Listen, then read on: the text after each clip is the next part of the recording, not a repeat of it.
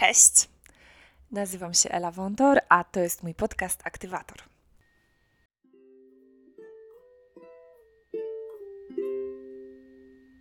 Cześć wszystkim. Dzisiaj moim gościem jest Agnieszka Szymaszek, e, która jest doktorantką na Wydziale Energetyki i Paliw e, Akademii Górniczo-Hutniczej. E, Cześć Aga. Cześć Ela, miło Cię znowu widzieć po tylu latach. Tak, właśnie tutaj takim słowem wstępu. Jak pewnie część z Was wie, oprócz tego, że studiowałam kierunek, który teraz kontynuuję na doktoracie, to studiowałam też technologię chemiczną właśnie na AGH i z Agnieszką właśnie poznałyśmy się na studiach inżynierskich i mamy dzisiaj takie spotkanie po latach. Spotkałyśmy się na studiach inżynierskich i byłaś pierwszą osobą chyba, którą Cię spotkałam w kolejce do dziekanatu. E, I dzisiaj e, będziemy rozmawiać o tym, jak wygląda doktorat na uczelni, e, bo wygląda trochę inaczej niż w moim instytucie. Będziemy też rozmawiać o między innymi w co można jeszcze się zaangażować i jak można już na etapie studiów otwierać sobie różne inne drzwi. I może zacznijmy takim banalnym pytaniem. Jaki był moment, kiedy stwierdziłaś, że chciałabyś robić doktorat?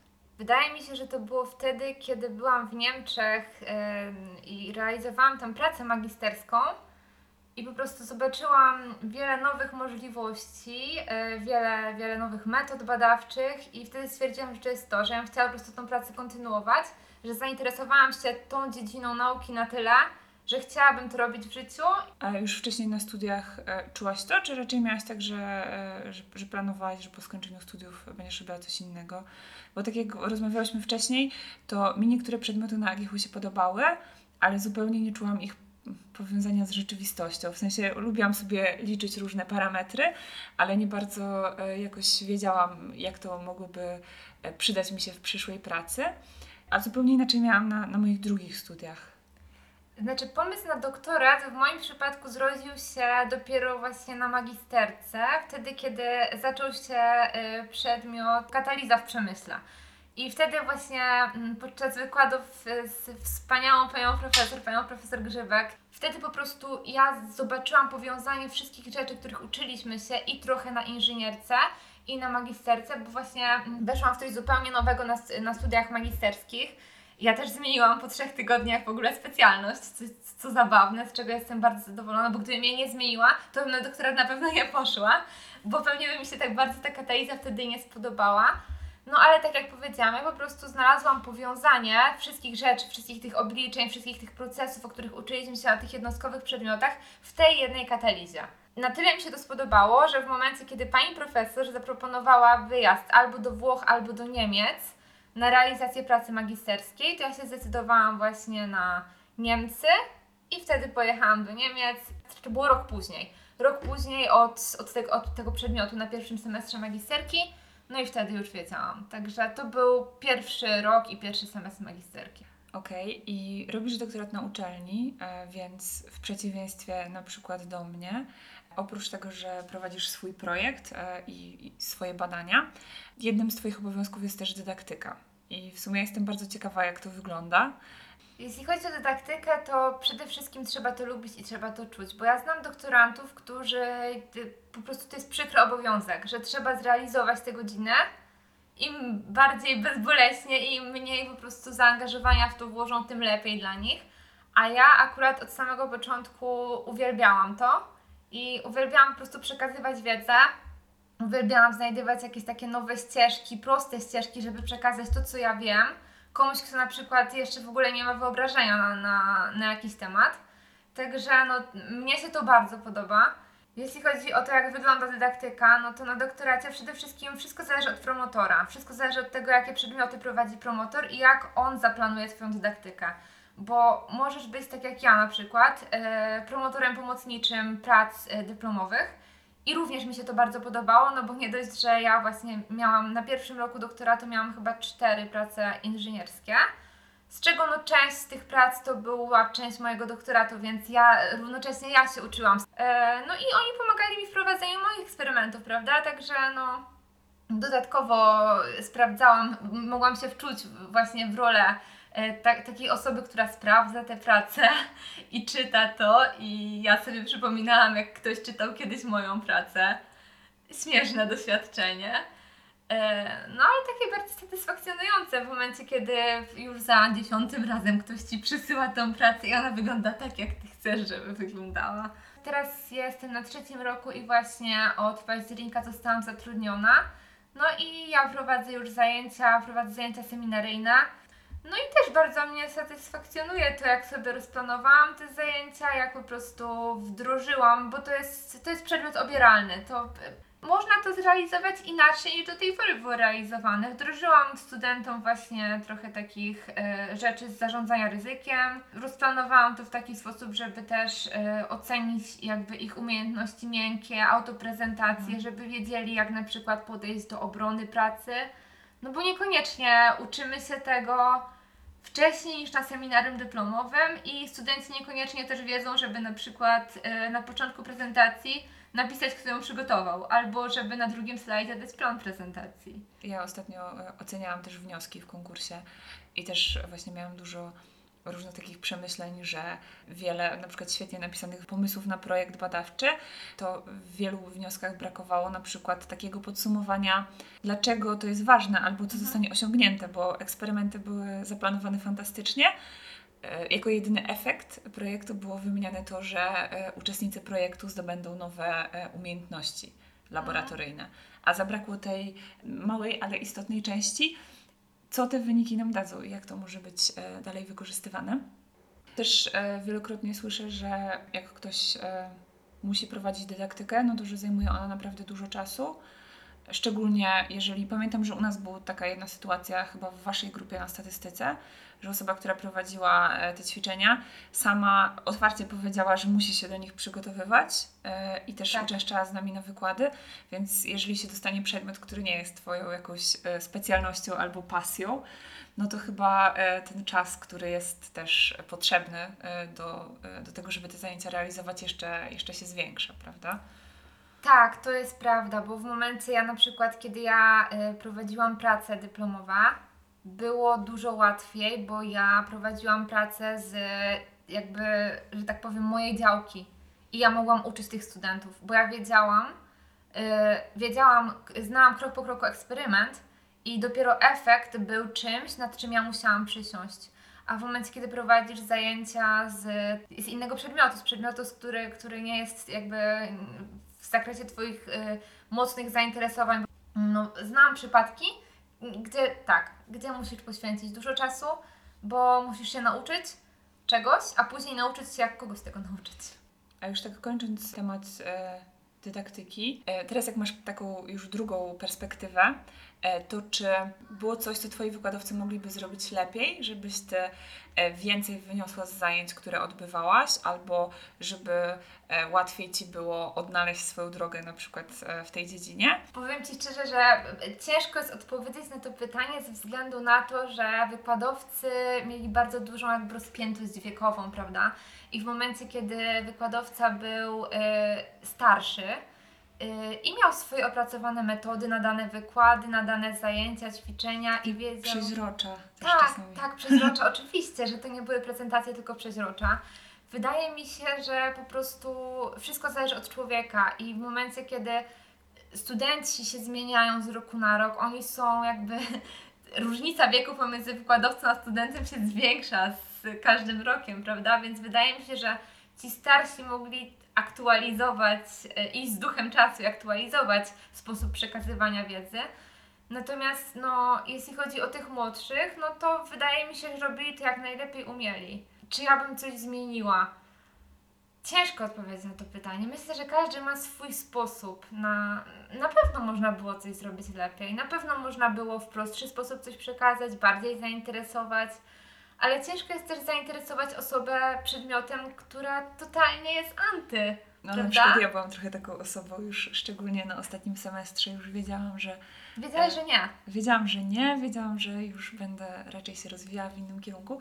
Trochę mi te studia dały na pewno, to też nie jest tak, że, że uważam, że to było zupełnie stracone 3,5 roku. M- Myślę, że się z Tobą zgadzam, że ciężko jest uczyć osobę, która już jest tak nastawiona, że to nie będzie to. Chociaż byli niektórzy wykładowcy. Pamiętam, mieliśmy zajęcia chyba z AutoCADu E, Właśnie, ja- właśnie o, tym, tym prowadzącym pomyślałam, że on był poz- młodszy. bardzo tak. pozdrawiamy, jeżeli e, pan tego słucha.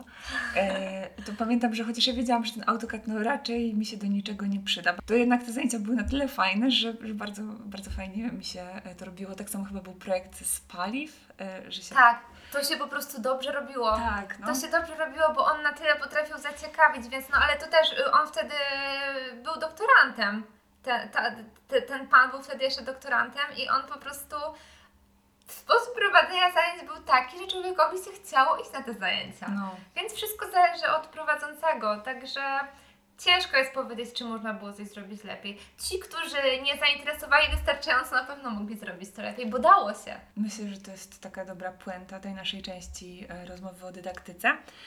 I rozmawiałyśmy sobie tutaj jeszcze przed nagraniem, bo bardzo dawno się nie widziałyśmy, więc miałyśmy sobie dużo rzeczy do opowiedzenia. e, I rozmawiałyśmy między innymi o początku doktoratu, kiedy w zasadzie każdy z nas jest trochę taki niepewny, e, co będzie dalej, jak to będzie dalej, czy, czy podołamy tym nowym wyzwaniom. I powiedziałaś coś e, takiego, co mi się bardzo wryło w pamięć, że próbowałaś sobie otworzyć bardzo dużo e, różnych okienek. Tak. E, jakbyś mogła nam trochę o tym opowiedzieć? Otwieranie moich okienek polegało na tym, mm, że po prostu starałam się spróbować wszystkiego, nie tylko właśnie nauki, ale także jakiegoś powiązania z jakąś taką, e, może z przemysłem, z jakimś, e, z pracą w jakiejś firmie, e, gdzie po prostu nie byłam tak naprawdę do końca pewna, czy zostanę na tym doktoracie. Stwierdziłam, że, tak jak powiedziałam, na studiach magisterskich po prostu na tyle mnie zafascynował temat, że, że chciałam to kontynuować. Ale nie wiedziałam, wiadomo, że no, nie wiedziałam, czy mi się to opłaci, prawda? I czy, czy akurat chcę zostać na uczelni. Chociaż z drugiej strony bardzo mi się podo- podoba też dydaktyka, ja uwielbiam uczyć, ale no, tak jak powiedziałaś Ela, że wszyscy po prostu błądzą na samym początku i nie wiedzą. Dlatego też e, poszłam na studia podyplomowe e, na zarządzanie jakością i e, zaaplikowałam do programu ambasadorskiego e, Ambasador Marki Grupa Azoty, tak się to nazywało, e, do drugiej edycji. E, No i pozytywnie przeszłam rekrutację, zostałam ambasadorem tej głównej e, grupy Azoty, tej, tej spółki w Tarnowie. E, No i uważam, że to było bardzo, bardzo dobre doświadczenie dla mnie i myślę, że taka rozmowa rekrutacyjna, bo wiadomo, ja jak poszłam na doktorat, no to nie chodziłam na rozmowy o pracę, prawda? E, I dobrym doświadczeniem była dla mnie taka prawdziwa rozmowa o, o pracy, powiedzmy, na stanowisku ambasadora, jeśli można tak nazwać. Pozytywnie przeszłam tą rekrutację i właśnie byłam ambasadorem i miałam e, doświadczenie na przykład w organizowaniu różnych eventów takich dla studentów, e, różnych wykładów. Równocześnie chodziłam na te studia podyplomowe, no i realizowałam doktorat. No i to były takie trzy moje główne ścieżki. Doktorat okazał się chyba najlepszą z możliwych opcji, tym bardziej, że no później miałam, e, miałam równocześnie jeszcze e, wyjazdy zagraniczne i różnych, różnych rzeczy próbowałam, na pierwszym roku w szczególności. No i na początku drugiego, no bo y, w program ambasadorski nazywał się konkurs na najlepszego ambasadora grupy Azoty i w ramach tego konkursu właśnie wygrałam płatny staż, który realizowałam w listopadzie, czyli to był początek drugiego roku, więc spróbowałam też e, takiej miesięcznej pracy w e, Centrum Badawczo-Rozwojowym e, Grupy Azoty. E, No ale to było powiązanie z moim doktoratem. No i później e, na, na czwarty semestr e, doktoratu wyjechałam do e, Walencji, do Instytutu Technologii Chemicznej, czyli to była jakby kolejna rzecz również powiązana z doktoratem, więc teraz no praktycznie no doktorat, cały czas doktorat, chociaż próbowałam właśnie tego zarządzania jakością, próbowałam bycia ambasadorem e, i pracy w Centrum Badawczo-Rozwojowym, no ale wszystko sprowadziło się do doktoratu. No jakoś ten, ta praca w firmie, w zarządzaniu jakością, audyt jakoś została zarzucona. I teraz jestem na etapie poszukiwania studiów podyplomowych e, w nauczaniu, w dydaktyce. Okej, to jeszcze wrócę do tego e, programu ambasadorskiego, bo to w sumie może być ciekawe, e, bo powiedziałaś, że byłaś zaangażowana w organizację różnych wydarzeń na Mhm. uczelni. A co miałeś w zamian za to? oczywiście jako ambasador y, dostawałam wynagrodzenie. Okej. Także to było dodatkowe jakby moje źródło utrzymania i dodatkowe pieniążki, które właśnie też były dobrą opcją, jeśli chodzi o doktorat, no bo pomimo, że ja miałam stypendium podstawowe i projakościowe, no to miałam dodatkowo właśnie wynagrodzenie z programu ambasadorskiego i my pisaliśmy sprawozdania z każdego miesiąca, co zrobiliśmy, a wynagrodzeniem dla nas było no właśnie nie tylko wynagrodzenie pieniężne, ale też cały czas kontakt z Twoim opiekunem, prawda? Czyli mniej więcej poznawałam specyfikę działania, prawda, Jakie, jakiejś firmy i też e, głównym zadaniem w konkursie w ramach programu ambasadorskiego było opracowanie produktu, który mógłby zostać wdrożony e, w, do produkcji e, przez, przez, przez grupę Azoty, prawda? Więc tu też była taka praca na stanowisku takim badawczo-rozwojowym, Mhm. prawda, że Ty wymyślasz jakiś produkt, a szkolenie mieliśmy właśnie, mieliśmy szkolenia z z zarządzania projektami. I mieliśmy wyjazd na przykład do Puław, gdzie y, byliśmy na instalacjach, zobaczyliśmy jak, jak produkcja wygląda, między innymi produkcja mocznika, Mhm. tak. E, A jeszcze wspomniałaś, bo to też mnie bardzo ciekawi, e, że miałaś okazję odbyć ten staż e, w Centrum Badań i Rozwoju, tak to się mhm, nazywa? Centrum Badawczo-Rozwojowe. Badawczo-rozwojowe. I jakbyś miała porównać e, prowadzenie swojego projektu w ramach doktoratu, Mhm. a pracę tam, to czy są jakieś różnice? Różnice są w momencie, kiedy na uczelni pracujesz nad swoimi materiałami, sama sobie planujesz syntezy, sama sobie e, zanosisz próbki do analiz, do charakterystyk, sama przeprowadzasz, w moim przypadku to są testy katalityczne, więc ja sama przeprowadzam te testy, sama wymyślam warunki, na jakich mają być przeprowadzane te testy. No a w przemyśle jednak e, z jedne, jakby z jednego sektora ktoś przynosi do laboratorium próbki i trzeba je przebadać pod tym i pod tym kątem i Ciebie jakby nie obchodzi, co w tych próbkach jest, tylko Mhm. jak je przebadać, prawda, żeby wynik wyszedł jak najbardziej miarodajny.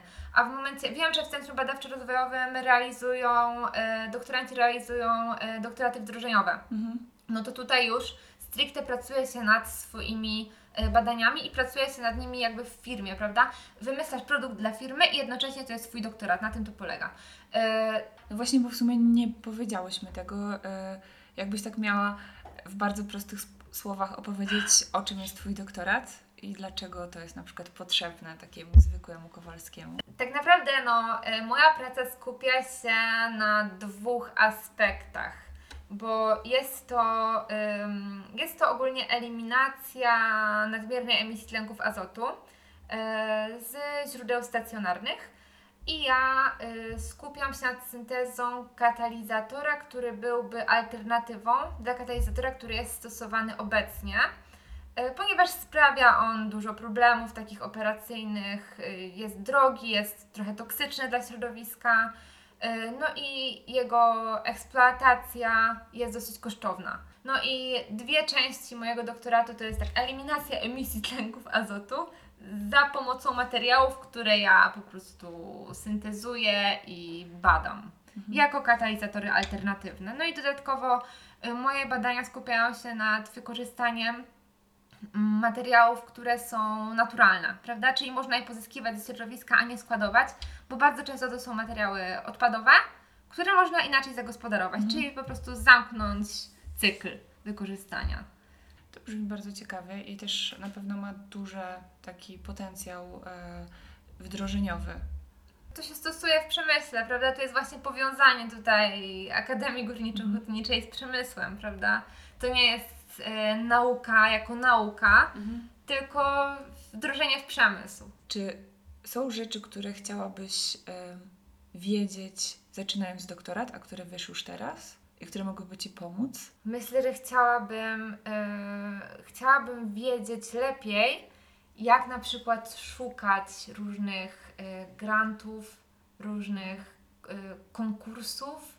Może to był mój błąd. Może ja powinnam po prostu mniej skupić się na badaniach i tylko na pogłębianiu swojej wiedzy, a bardziej pomyśleć, jak pozyskać pieniądze na te moje badania, bo to jest też duży problem. Tak mi się wydaje, że nie zawsze po prostu doktoranci na samym początku wiedzą. Może zamiast, y, akurat ja idę starym trybem, prawda? I może Mhm. zamiast y, tych przedmiotów, które mieliśmy na początku, warto byłoby zrobić przedmiot y, poszukiwanie grantów, poszukiwanie finansowań moich badań. No, ja myślę, że takie przedmioty byłyby bardzo potrzebne, chociaż em, też musiałyby być na pewno prowadzone przez kogoś, kto się orientuje i najlepiej, żeby to był praktyk, Tak. bo ja kiedyś byłam na szkoleniu o grantach i wydaje mi się, że ja wiedziałam więcej od pani prowadzącej, więc to tak. też, e, też powinna być na pewno osoba, która rzeczywiście takie granty pisze Tak. e, i, i ma z tym taki bezpośredni kontakt. E. Wartościowe jest to, co powiedziałaś, nie tylko poszukiwanie, ale też jak napisać dobry wniosek, Mhm. bo to też jest trudne. Co Ci się bardzo podoba w Twoim doktoracie, oprócz dydaktyki? Oprócz dydaktyki, co mi się bardzo podoba, podoba mi się to, że na pewno to, że mogę wyjeżdżać w różne miejsca, poznawać e, nowe metody badawcze, nowe podejścia do tych samych rzeczy. Mhm. tak naprawdę, bo tak jak Ci powiedziałam, no ja syntezuję na przykład w Hiszpanii materiały bardzo podobne do tych, którymi zajmuję się u mnie na uczelni, ale oni robią niektóre rzeczy inaczej. Wystarczy inny sposób, na przykład y, wygrzewania w piecu próbki, prawda? Określona procedura, którą oni stosują, a my robimy to inaczej. I istotnym jest to, że ja mogę na przykład przywieźć wiele pomysłów na uczelnię, mogę się zainspirować pracą innych osób albo trybem pracy innych osób. To mi się chyba najbardziej podoba, że no, mogę się uczyć, jak coś zrobić lepiej i nawet naukowo. Mhm. Powiem szczerze, że mogę się nauczyć nowego podejścia nawet do życia, poznając podejście do życia innych ludzi. Gdybyś nie była naukowcem i nie robiła doktoratu, to co byś robiła? Byłem nauczycielką. Tak myślałam, że tak Pierwsza odpowiesz. myśl, tak, pierwsza myśl byłabym bezdyskusyjnie po prostu. Ja uwielbiam przekazywać wiedzę, uwielbiam. Ja uwielbiam w ogóle kontakt z ludźmi, naprawdę. Uwielbiam tłumaczyć. Ale to jest bardzo pokrzepiające, bo y, no ja mam trochę inne podejście do dydaktyki i bardzo się cieszę, że nie muszę tego robić na co dzień. Bardzo się cieszę, że są ludzie, którzy z taką wielką pasją podchodzą do przekazywania wiedzy, bo wydaje mi się, że jest to naprawdę bardzo potrzebne. No tak naprawdę nigdy nie wiemy, kiedy kogoś inspirujemy a, i kiedy e, poprzez to, co mówimy i tłumaczymy, to ktoś odnajduje swoją ścieżkę, więc Mhm. warto, warto właśnie, żeby to robili tacy ludzie z pasją. Dydaktyka też moim zdaniem jest trochę twórczością, bo musisz przekazać coś, czego może ktoś nie mieć pojęcia o czymś i musisz w jakiś sposób twórczy zobrazować coś, co wydaje się skomplikowane w jak najprostszych słowach, w jak najprostszych schematach, prawda? A w momencie, kiedy no najbardziej chyba satysfakcjonujące dla mnie było, jak e, cztery e, cztery e, dziewczyny, cztery studentki po prostu wróciły do mnie z pracy inżynierskiej na pracę magisterską. Po prostu chciały kontynuować to, co robiły na pracy inżynierskiej. I nawet e, jak rozmawiałam z nimi później i pytałam, czy robicie tak, bo jest tak prościej i chcecie kontynuować, a one powiedziały, nie, no wróciliśmy, nam się podobało. To jest fajne, to jest fajne. Jak wrócisz sobie e, do czasów swoich studiów, to czy już na studiach miałaś jakąś możliwość e, rozwijania tych takiej pasji naukowej i jakieś prowadzenia badań, czy... Mm, powiem Ci, że y, miałam z uwagi na to, że działały koła naukowe, tylko ciężko było tych wszystkich studentów ze sobą zgrać. Chyba pamiętasz, prawda? Pamiętasz, ile było zajęć różnych, Tak. dziwnych, na które trzeba było chodzić? Niekoniecznie właśnie, no niekoniecznie była możliwość y, zgromadzenia y, ludzi z koła naukowego, prawda? Żeby oni się ze sobą y, stowarzyszyli żeby oni się spotkali razem i zrobili razem coś fajnego. No niemniej jednak znam osoby, y, które nawet moja koleżanka z doktoratu, pozdrawiam serdecznie, z naszej grupy badawczej, e, ona też znajdowała bardzo dużą pasję właśnie e, w eksperymentach chemicznych i miała tyle zasięcia, że po prostu przychodziła do laboratorium, szukała sobie różnych eksperymentów w internecie, później pokazywała to dzieciom w szkole. Także e, Myślę, że możliwość jest, ale powiem szczerze i otwarcie, że no ja na przykład nie robiłam tego, bo skupiałam się bardzo mocno na nauce i na tym, żeby mieć dobre oceny na studiach. I nie powiem, że to było w 100% e, właściwe, że skupiałam się tylko na tym, żeby mieć jak najlepsze oceny. Zależało mi też na stypendium i pewnie dlatego to robiłam. E, możliwość była. Naprawdę była możliwość, żeby to zrobić. Może jeżeli nie w grupie, dlatego wspomniałam o tej koleżance, bo wiem, że ona po prostu jako jedyna z tej grupy studentów się nie wykruszyła i miała na tyle zacięcia, żeby sama chodzić do laboratorium, żeby eksperymentować, żeby próbować. Prosiła o pomoc laborantów i możliwość była na pewno i jest. No Okej. Jakbyś miała się teraz wrócić trochę tak myślami do czasów swoich studiów e, i poradzić komuś, kto jest dopiero na początku swojej drogi, a myśli, żeby e, później jakoś tam zaangażować się naukowo, e, to jakie rady byś mu dała? Przede wszystkim poradziłabym, żeby na przykład pojechać na Erasmusa, prowadzić jakiś projekt naukowy albo, albo swoją pracę dyplomową eee, i po prostu nabrać perspektywy, prawda? Eee, za granicą też jest tak, że człowiek bardzo dużo czasu spędza w tym laboratorium i widzi, czy to jest rzeczywiście to, czego chce. E, Dodatkowo e, poleciłabym również no, zaangażowanie się też w jakiś projekt, na przykład w ramach koła naukowego. Są, są na przykład różne granty, e, grant rektora i po prostu można zdobyć finansowanie na swój własny projekt. Można się nauczyć e, pracy w grupie badawczej. No to to byłaby taka druga rzecz. No i przede wszystkim radziłabym e, znaleźć sobie jakiegoś mentora na uczelni, prawda? E, Zapytać osobę, doktora czy nawet doktoranta, który się już czymś zajmuje, jak na przykład doszedł do czegoś, jak, jak to jest na doktoracie. Przede wszystkim pytać. To byłoby chyba najlepsze. Można też słuchać oczywiście mojego podcastu w tym celu. Chociaż wydaje mi się, że te nasze wszystkie historie mają bardzo wiele punktów wspólnych, Tak. e, ale jednak są trochę inne i to, to właśnie jest fajne, że może, możemy przez to pokazać, że są różne drogi, ale też są rzeczy, które wszyscy rekomendujemy do robienia, tak jak na przykład wyjazdy, e, Tak, do zmiany tak, perspektywy. Dodatkowo no, możemy pokazać, że zupełnie y, wywodzimy się jakby z jednego wydziału, z jednego kierunku, prawda? Ja zostałam, ty uznałaś, że to jednak nie jest to, uważasz, że doświadczenie za wartościowe, i, ale poszłaś w innym kierunku, prawda? Więc no, możemy też pokazać, że wychodząc z jednego miejsca, możemy w zupełnie różnych miejscach wylądować. I też, że e, coś, co dla kogoś może być e, nieinteresujące, dla innej osoby może być wielką pasją. I wydaje mi się, że, że warto właśnie tak do tego podchodzić, e, że po prostu warto próbować, bo jak gdybym nie spróbowała czegoś innego, to nie, niekoniecznie wiedziałabym, że nie chcę tego robić. Także dobrze. E, Wydaje mi się, że zadałam już Ci wszystkie pytania, które tutaj miałam przygotowane. Bardzo Ci chciałam podziękować za czas, który mi poświęciłaś e, i za to, że mogłyśmy porównać e, nasze przemyślenia na temat doktoratu, e, które i naszych ścieżek naukowych, które zaczęły się w tym samym miejscu, a jednak podążyły Tak. w dwóch różnych kierunkach. I dzięki za poświęcony czas. Również dziękuję Ci bardzo za zaproszenie. To dzięki, a widzimy się za tydzień we wtorek o 12 w kolejnym odcinku.